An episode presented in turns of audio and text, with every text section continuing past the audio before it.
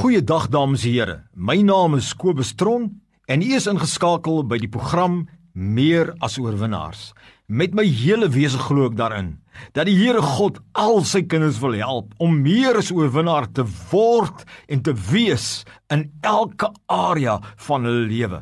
Ek is tans besig met 'n reeks wat handel oor die tema van my nuwe boek, The Kingdom Way of Life. In Afrikaans, die koninkryks leefstyl. The Jesus way of life, die manier hoe Jesus geleef het. Ek doen 20 sessies hier oor wat ek almekaar 'n hoofstuk van die boek fokus as tema wat ek glo jou gaan inspireer en jou ook 'n stukkie gee van verstaan van die boek. Vandag hanteer ek die tema van hoofstuk 2, chapter 2, God's lead. God se koningsheerskappy of God se leierskap. Wat jy moet weet rondom die koninkryk is dat die koninkryk 'n onsigbare riem is waarin 'n mens nou kan ingaan en in 'n verhouding met die lewende God leef deur die Heilige Gees. En in die vorige sessie het ek daarop gefokus, maar nou wil ek fokus op die tweede belangrikheid van wat is die koninkryk en wat is die leefstyl van die koninkryk. En dit is enige koninkryk. Luister aandagtig. Enige koninkryk van 'n koning is 'n plek waar die koning heers. Dis 'n plek waar die koning die gesag het, waar die koning die finale besluit het, waar hy die rigting gee, waar hy die judgement doen, waar hy sê ons vat jou vorentoe of ons hou jou daar. Ons sien jy's reg of jy's nie. En wanneer jy in die koninkryk gekom het, in hierdie riem en jy 'n verhouding nou met God staan, Is dit met ander woorde 'n leefstyl wat God van jou vra waar jy sê ek is in verhouding met hom, maar ek staan onder sy gesag en ek volg daai kroon. Ek volg sy leierskap.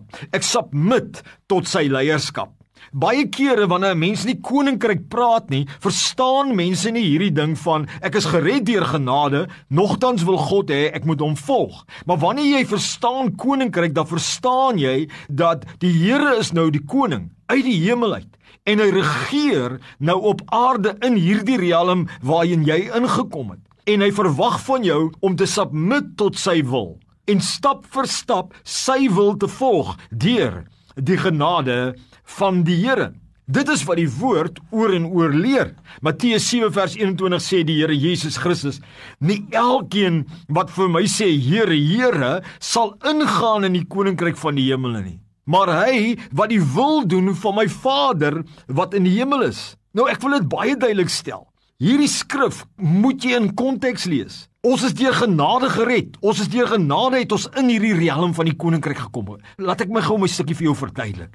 En ons het die ewige lewe net deur genade. Maar om in, op die aarde hierdie oorvloedige lewe te smaak en dieper in te gaan in die koninkryk, moet ons sy wil volg. Deur sy Heilige Gees, nie deur ons eie goedheid nie, En deur die genade, deur die bloed van Jesus as ons foute maak, sal hy ons vergewe, maar ons moet sy volg. Daarom sê hy, dis nie hy wat sê Here, Here, dit sal ingaan nie maar hy wat die wil doen van sy Vader. Dis 'n volg koninkrykskultuur in essence is ek volg die Here in my huwelik. Ek volg die Here se stem in ouerskap. Ek volg die Here rondom my liggaamlike kondisionering. Ek aspireer om te volg in my finansies, nie my wil, maar sy wil. Dit is wat Jesus kom demonstreer het. Hy het gesê: "Vader, ek kom, ek is hier, nie om my wil te doen, maar u wil." Vader sê op 'n ander plek: "Vader, ek doen niks alvorens ek die Vader nie gesien doen dit nie." En in die praktyk beteken dit ek leef in hierdie koninkryk van God in 'n verhouding met die Here.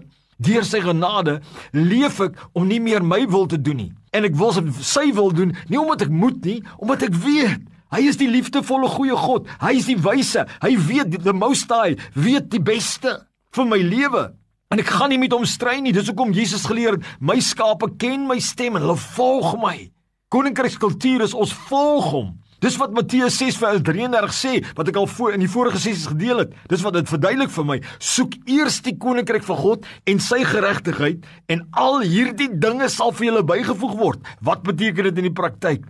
Ek volg die koning se heerskappy, gebaseer sy geregtigheid op sy beginsels, deur sy Heilige Gees deur sy genade en dan volg die dinge.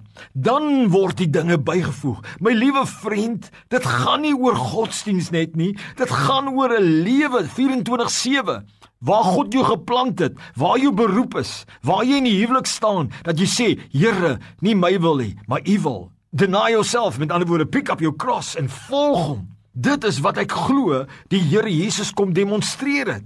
Hy het gekom demonstreer dat ons nie sonder Vader se leiding uit die hemel kan leef nie. Dat ons moet ons kruis opneem en hom volg, nie net om te suffer suffer nie, wat dit lei na die lewe. Die engel sê so mooi, he who's willing to lose life for Christ's sake will find life. Met ander woorde, is jy bereid om die Here se weg te volg? Die Here se weë Dis waar die krag is. Dis waar die seën is. Of dit nou 'n besigheidsman is en of jy 'n dokter is en of jy 'n bedienaar is en of jy 'n gemeenteleier is. En of jy 'n projekbestuurder is en of jy 'n retail is en of jy 'n verpleegster is en of jy 'n mamma of 'n pappa is, die antwoord vir die lewe is die nou weg van hom volg. Deur sy Heilige Gees wat jou sal dra, deur die bloed van Jesus wat jou vergewe en reinig. Maar dit is die antwoord vir die lewe. Dis die koninkrykskultuur. Dis die hart van 'n koninkrykskultuur om te onderwerp om aan die gesag van die Here, om hom te volg en te submit tot wat hy orde in jou lewe, want jy's nou in 'n ander riem. Jy is in 'n bonatuurlike riem waar die gees van God woon, waar die engele van die Here is. Jy is nie meer onder die mag van die bose nie. Kan jy verstaan hoekom ek so opgewonde is oor die antwoord vir die lewe? The kingdom way of life. Dit is die antwoord. Jesus het dit kom demonstreer. Hy het sy missie kom vervul met groot sukses. Hy het met vreugde geloop deur die valleie met 'n vertroue op God. En dis waarvoor die Here jou roep. Jou antwoord vir jou huwelik, jou antwoord vir jou beroep, jy is volg hom. Volg hom onder sy leierskap, onder sy koningsheerskappy. Dis my boodskap vir jou vandag. Mag die Here jou seën. Mag jy meer as oorwinnaar wees, suksesvol en gelukkig in wat God jou geroep het. Deur die valleie mag jy staan en meer as oorwinnaar daan ook wees. Amen.